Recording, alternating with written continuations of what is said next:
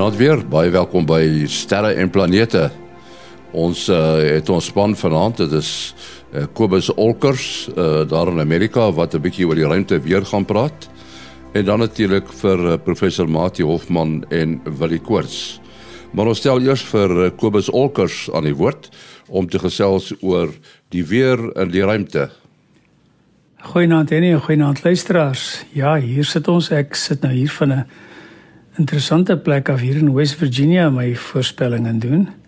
Ek is op pad Kanada toe en uh dit uh sal vir die res van die volgende 2 maande sal ek van daar af verslag doen. Nou kom ons kyk 'n bietjie wat wat hierdie week aangaan. Eerste plek het ons sien son toe homself gedra soos wat ons verlede week gesê het en ons het nou 'n aktiewe area, magnetiese aktiewe area in die noordelike halfrond wat uh so rukkie gelede oor die rand van die son gekom het. Hy behoort so teen Woensdag Donderdag se koers geo effektief te wees. Op hierdie stadium van die geveg is hy nog redelik uh rustig. Hy hy lyk stabiel. Uh maar as ek so kyk na sy na die die verspreiding van noord en suidpole, ehm uh, dan is daar 'n kans dat hy kan meer kompleks raak en dalk 'n bietjie kan vir ons uh, C-klas fakkeltjies gee. Nou, ek glo nie ons sal 'n M-klas uit hom uitkry nie, maar hy kan wel so 'n bietjie met die met die radiopropagasie wo, uh, woeker met met sy uitbarstingkies as hy kom. Ehm um, dan is daar nog eene wat nou een van die dae so môre oor môre gaan afdraai van die son af. Uh, hy het vir ons 'n uh, bietjie vergas deur die week en uh, maar hy's hy's nou baie mooi stabiel. Hy's 'n baie pragtige mooi duidelike dipool. Ehm um, sy noordpool is een kant en sy suidpool is aan die ander kant en dit maak hom uh, baie eenvoudig uh, en dit maak die kans dat hy kan kan uitbars baie skraal. So van hom kan ons dan maar vergeet. Ehm um, filamente is daar is daar 'n paartjies. Ehm um, die enetjie uh in die suidelike halfrond is 'n bietjie te ver suid. Hy lyk eintlik nogal baie onstabiel, maar ek dink ons gaan niks van hom af hier hier aan die aarde se kant voel nie want uh, hy steek heeltemal te ver suid as hy uitbars dan gaan hy onderkant toe gaan en die kanse vir 'n vir enige ekstra aktiwiteit van hom af is bitter skraal. Dan kom ons by ehm um, by die uh koronagate. Die het, die het ons ook nou vir 'n vir die volgende 14 dae of so is is ons groot koronagat area is is gaan agter die son indraai. Dit gaan ons nie te veel uh probleme gee nie. Daar is eenetjie wel wat nou pas oor die rand van die son gekom het. Hy's kleinerig en hy lyk vir my uh negatief georiënteerd so hy kan dalk so teen die einde van die week en vroeg in volgende week kan hy dalk vir ons 'n uh, 'n bietjie ehm um, sterings bring vir ons langafstand radioluisteraars. Dan sit ons met 'n 'n minuut of so wat ek nog het om gou vir Johan Brummer te antwoord en dankie te dis dankie te sê vir sy brief. Baie interessante brief oor uh, wetvlugduwe en al die soort van ding. En uh volgende maand die tweede Sondag van die maand gaan ons 'n bietjie daaroor gesels. Ek wil net in die tussentyd vir hom sê ja, sy krag hoogspanningslyne kan baie beslis die duwe se se magnetisme beïnvloed. En ehm um, maar ons sal oor al hierdie dingetjies gesels uh, so oor 'n so oor 3 weke van nou af. Uh, Goeienaand almal. Dit was Kobus Olkers in Amerika. Nou uh, wil hy ehm um, hier is 'n berig van 'n sogenaamde citizen scientist is dit 'n soort van 'n informele wetenskaplike of wat is dit? Ja, dis 'n interessante konsep wat ek die eerste keer gehoor het by die Las Cumbas Observatory. So staan mos 3 1 meter koepels en dan is daar 'n kleiner stelseltjie wat uh, hierso by Sutherland op die kop staan um wat uh, spesifiek die kleiner uh, stelsel is, is is meer vir die vir die vir die algemene publiek en en uh, die eerste keer wat ek die term gehoor het citizen science was toe ek in Santa Barbara was en hulle gepraat het oor die waarvoor hulle eintlik hierdie ehm um, te teleskope en en die en die opset uh hierso opbou en waarvoor dit kan kan bedoel word. So ek sien daar's nog al 'n Wikipedia um um inskrywing oor spesifiek die woord uh, citizen science en en dit sê eenvoudig dat iemand soos die publiek groep mense uh, dan daarvoor uh, hulle self inlaat daarvoor uh en en en so aan kan dan op een of ander manier betrokke raak en en wetenskap doen wat dan uiteindelik in 'n artikel gaan kan gepubliseer word. So die die eintlike artikel wat jy vir ons uh, aangestuur het is nogal 'n pa en sy 13-jarige seun uh, uh wat um wat 'n eksoplaneet ontdek het deur die TESS uh teleskoop. Dit is mos hierdie een wat uh so 'n klompie jaar terug op is wat nou um ongelooflike hoeveelheid data produseer.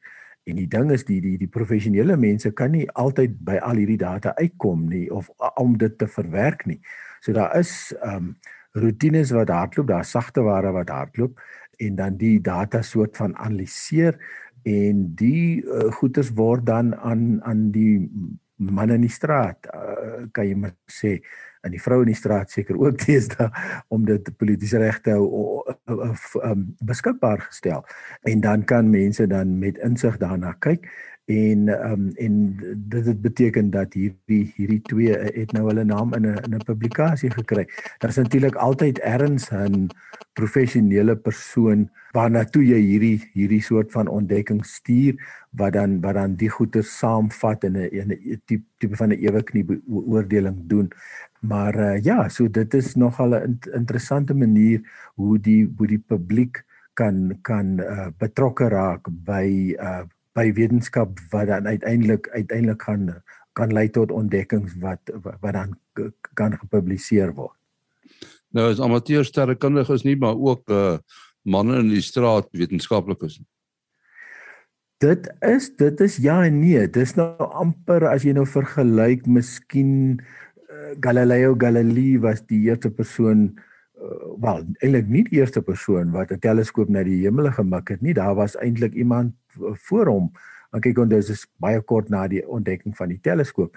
En en die vorige ou het het uh, het na die maan gekyk en en hy het 'n paar sketse gemaak.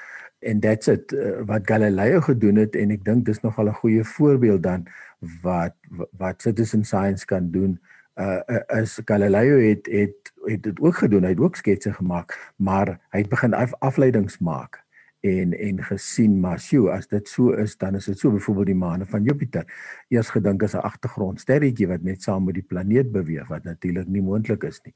En toe besef dit is uh dit is maane wat wat rondom Jupiter is. Dis nou 'n uh, uh, baie veel eenvoudigde 'n uh, voorbeeld in in Galileo se tyd wat die woord nog nie bestaan nie. Maar ek dink dit is eintlik so half die verskil waar amateurs baie maal uh um baie betrokke is. Ons ons praat byvoorbeeld so Clyde Foster, waar ek sal amper sê hy's nou 'n hy's nou 'n 'n super citizen scientist, scientist die die ontdekkings wat wat Clyde gedoen het, uh, uh gaan natuurlik uit die aard van die saak ook in in publikasies in. En uh Clyde gebruik sy eie toerist, toerusting en ek dink in baie gevalle hier en ek is nie seker of dit presies die definisie is maar dit lyk my in die meeste gevalle is hulle praat van citizen science, dan is dit die publiek wat betrokke raak by data wat beskikbaar gestel word deur noem professionele uh, stelsels waar jy dan uh, kan uh, kan ontdekkings doen wat uiteindelik kan, gepubliseer word. Ek dis net soos ek het verstaan, ek weet nie of ek presies seker is of ek die, of of of ek die definisie hierso reg het nie, maar dit is gewoonlik in die, in die sin wat ek nou gesien het wat dit gebruik word. Ek weet nie of julle onthou nie so 'n paar jaar gelede het ons gesels met 'n uh, hoërskoolleerling uit Welkom wat 'n uh, hemelliggaam ontdek het. Ek onthou nie wat dit presies was nie. Miskien was dit 'n asteroïde of iets van die aard. Maar wat baie interessant was is hy het dit onder leiding van 'n uh, ou gedoen wat in Kanada gesit het op 'n teleskoop wat in Chili was. Aha. Ja, En ek dink dis dis natuurlik baie moontlik dis daar nê. Nee. Dis korrek. Ek ek dink dit is tipies tipies waar jy hierso werk want soos ek sê die Las Cumbres um observatory het ses sterrewagte reg om die wêreld waarvan een in Sutherland staan en um en so jy hoef nie noodwendig want um baie maal word die goed soort van in die dag gedoen waar die persoon sit en hulle hulle betrek skole uh hulle probeer altyd soos van wetenskap uh, uh onderwysers en en so betrokke kry. Um ek weet selfs die die die die um sterkundige vereniging se tak in Hermanus was baie aktief op 'n stadium en um met by een van die skole daarso en ek weet onder andere het hulle die Monet teleskoop hier in Sutherland gebruik wat ook so dis is 'n tipe van 'n citizen science arm en uitreik uh as deel van sy um van sy stelsel het ja. So dit klink dit klink hier definitief heel moontlik daar is is is teleskope reg om die wêreld natuurlik baie beskikbaar. Ja enige wat uh vir my verblydend is dat dit al meer op verskillende terreine moontlik raak om baie hoë vlak dinge te onderneem op uh, nie net in die sterrekunde nie maar op 'n verskeidenheid van terreine en saam te werk met uh baie kundige mense reg om die wêreld vanaf jou klein gunsteling hoekie op die op die aarde of waar jy nou maar beland het. So mense hoef nie sonder meer ge, uh, geïsoleer te word nie. Uh die groot voorwaarde is natuurlik uh uh vinnig genoeg internet en dit draak amper soos ons suurstof vir vir 'n deel van ons lewe. Maar dit terwyl jy praat, uh, ons ken nou almal uh, radioverbindings, so deesdae met ons internet uh, praat ons van vesel wat eintlik 'n ligverbinding is en uh, nou sien ek hulle wil lasers gebruik in plaas van radio om te kommunikeer tussen satelliete en die aarde. Uh, is dit moontlik? Uh ja, dit is sekerlik moontlik. Uh om die waarheid te sê, hulle beplan nou uh reeds uh, toets uh toetse in hierdie jaar. Ehm um, beide die militêre uh, mense in Amerika wat hulle tussen twee satelliete uh wil kommunikeer met 'n uh, infrarooi laserbundel wat dan ook uh, uh het die het NASA 'n sending wat spesifiek vir daardie doel gelanseer word en dan bietjie later met die Orion uh uh vier pile wat uh, weer na die maan toe gaan vlieg. Nou 'n radio uh laserlig, infrarooi lig, uh dit is ook maar 'n deel van die elektromagnetiese spektrum soos radiogolwe. Uh dit uh, beweeg met dieselfde spoed. Uh die golflengte of frekwensie uh verskil net baie en as jy nou laserlig het teenoor gewone lig uh, dan is dit by bykomend is dit 'n uh, baie suiwer uh frekwensie en dit is ook baie gekolimeerd. Uh so anders as met radioverbindings wat jy 'n baie groot uh antenna gaan nodig hê want die radiogolwe sprei nou geweldig baie uit vanaf die bron. Uh is dit nou 'n bietjie anders met uh met lasergolwe want dit word baie gefokus uh gerig tussen die bron en daar waar dit waargeneem moet word. Uh nou die vraag is hoekom is dit nou nog nie gedoen nie en wat is die voordeel daarvan? Die groot voordeel daarvan is dat jy weens die baie korter golflengte uh uh kan jy as met radiogolwe kan jy 10 tot 100 maal meer data die data digter verpak. En ons het nou in die onlangse tyd gesien met die sending soos byvoorbeeld onlangs met die uh, Ingenuity helikopter dat ons 'n bietjie moes wag en ook met die Mars fotos uh, dit vat hulle kan dit nie alles so onmiddellik stuur nie val nie in die hoë resolusie nie. So dit sal baie uh, gouer uh, ons kan bereik so dra dit uh, met laserlig gedoen uh, kan word. Nou wel, ek kan nie uh, voorsien dat dit so gou vanaf uh, ander planete sal moontlik wees nie, maar tussen die maan en die aarde, uh dit is dan nou in die beplanning en tussen satelliete uh, verseker. So dit is nou 'n belangrike storie om om dop te hou en uh, soos baie ander dinge sal dit waarskynlik ook uh belangrike toepassings op die aarde uh, vind waar jy nou uh, soos ons sê line of sight of siglyn het 'n reguit lyn het vir uh kommunikasie wat uh, wat jy waarskynlik baie uh, goeie sekuriteit sal kan gee uh die inligting kan kodeer. Uh nou Willie is uh, nogal goed onderleg oor hierdie soort van kommunikasie en so aan so dalk kan hy 'n bietjie uh subtiliteite byvoeg oor uh die verskil hoe jy data sou enkodeer op laserlig teenoor radiogolwe uh as hy daaraan iets kan dink wat ek nog nie gesê het nie. Uh ja, dit dit dit klink definitief uh, 'n uh, goeie idee soos jy sê die twee uh die send en die ontvangstasie moet mekaar net kan sien. Um en dit is maar die verskil tussen optiese vesel want dit word maar in optiese vesel ook met selfs infrarooi lasers word die inligting deurgestuur. Ehm um, en wat natuurlik vir jou baie hoë data tempos gee soos jy nou genoem het. Ehm um, en al wat die wat die optiese vesel doen is is, is die die ligbundel bly net binne binne in die vesel. In hierdie geval ehm um, uh soos jy sê daar sal wel ook uitspreiding wees natuurlik. Ek weet ehm um, hierdie stelsel wat uh Louis Barents by betrokke was wat hulle uh, na die maan byvoorbeeld uh, daai uh, retroreflectors wat hulle noem wat hulle op die maan geplaas het om die afstand presies na die maan toe te meet. Um ek het verstaan die, die tyd dat die bundel by die maan uitkom is hy 'n paar kilometer in deursnee. So en dan by die weerkaatse en dan word die ontvangssyn weer 'n bietjie gesprei. So ja, so die aard van die saak laserlig is baie soos jy genoem het kolomeer baie mooi in 'n stywe bundel bymekaar maar daar is tog 'n bietjie 'n bietjie uitspreiding en ehm um, soos jy sê sekuriteit sal moet hoog wees want uh, dan kan meer mense dit dit ontvang en dit probeer dekodeer uh, maar die data sal uit die aard van die saak gekodeer wees um, om om om sekuriteit te gee. Ehm um, maar dit is ja, dit is 'n baie interessante konsep en mense wonder amper hoekom ons dit nog nie gedoen het nie. Ons het hier 'n brief gekry van Annelies de Jong wat uh, besondere foto's gestuur het. Eh uh, uh, kon jy uitmaak wat wat sy gesien het? Ja, so Annelies het het hier ja, sy het 'n interessante uh, geskiedenis haar seun Christo ehm um, het het uh, het destyds NASA bes, besoek en in vir Japie ontmoet. So dit kon nou 'n lekker 'n lekker verbinding wees.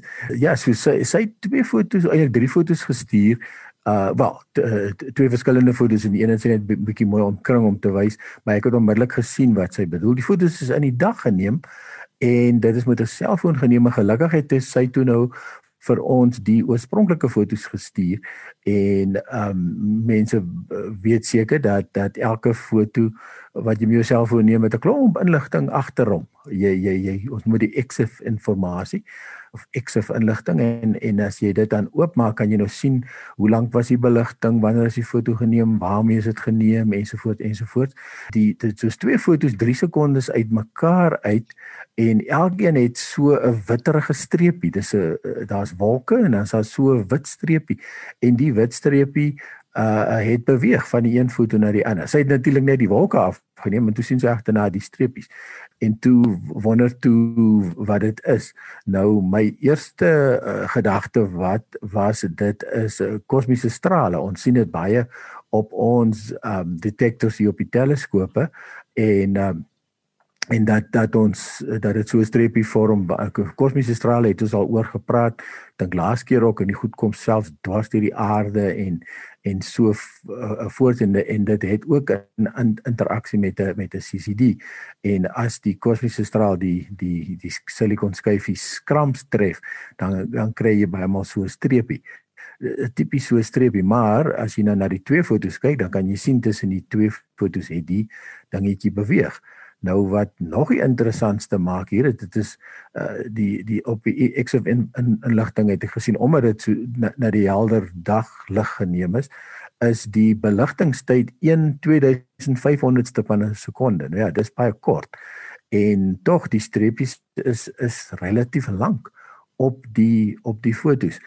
So dit moes dan iets gewees het wat taamlik geblink het in die in die in die daghemel. Dis definitief nie in die naghemel nie. En en dit het definitief beweeg van van die een foto na die ander en 3 sekondes het mekaar uit. So ek, ek het eintlik nie 'n uh, verklaring daarvoor nie, maar dit moet iets die son moes vanaf miskien selfs 'n vliegtuig of 'n satelliet Ehm um, en dit moes 'n taamlike helder uh, verskynsel gewees het wat ehm um, wat dan tussen die twee uh, fotos waargeneem is. So uh, ja, interessante foto, interessante vraag, lekker lekker om bietjie speurwerk te doen, maar ongelukkig het ek nou nie vir jou 'n klinkklare antwoord daarso nie, maar baie interessante foto. Ons word ook van asteroïdes en natuurlik asteroïdes wat uh, waarvan daar stukke hier op die aarde val.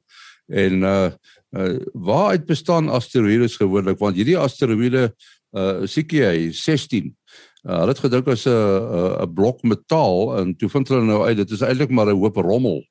Uh, is dit maar waaruit meeste asteroïdes bestaan? Uh nie metaal nie, maar rommel.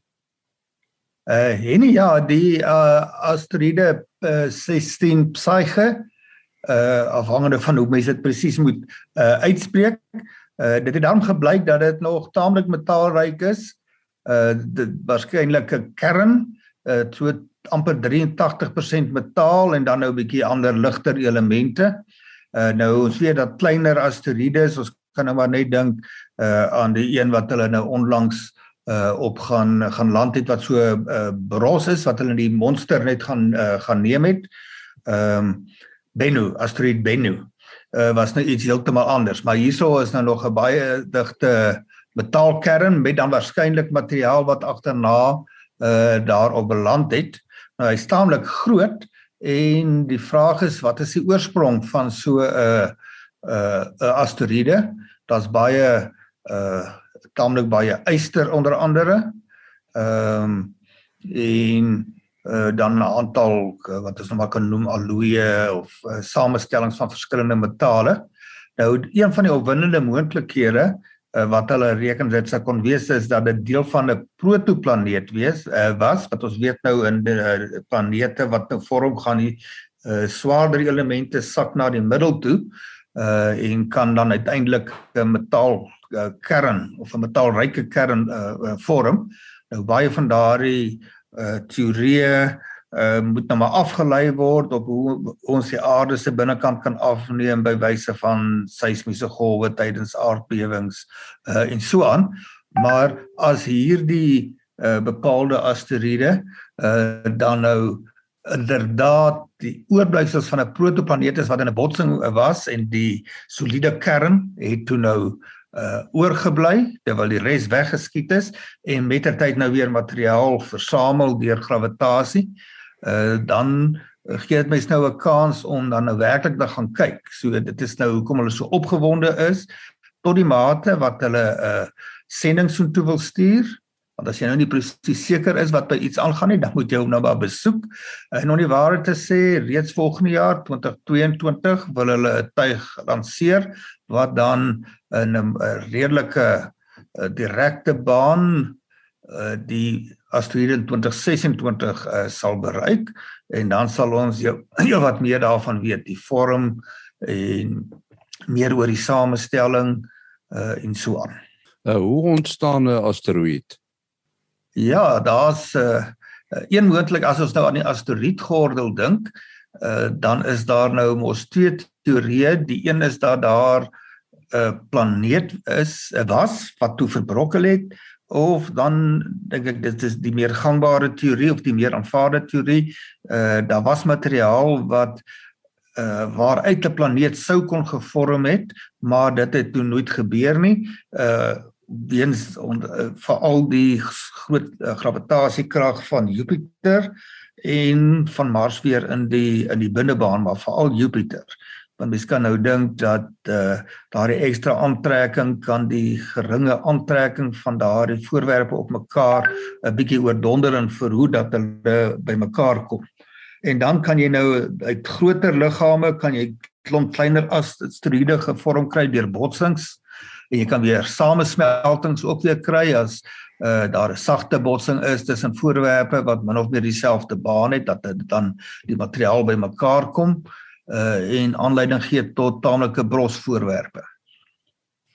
Nou daardie noot moet ons afsluit. Willie, wat is jou besonderhede? Ja, mense kan bel WhatsApp SMS 0724579208.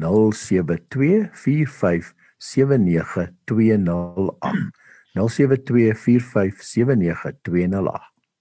En dan Mati 0836257154. 0836257154. En dan uh, ons program se e-posadres is sterreplanete@gmail.com. sterreplanete@gmail.com. Ons praat volgende week verder. Tot dan, alles van die beste.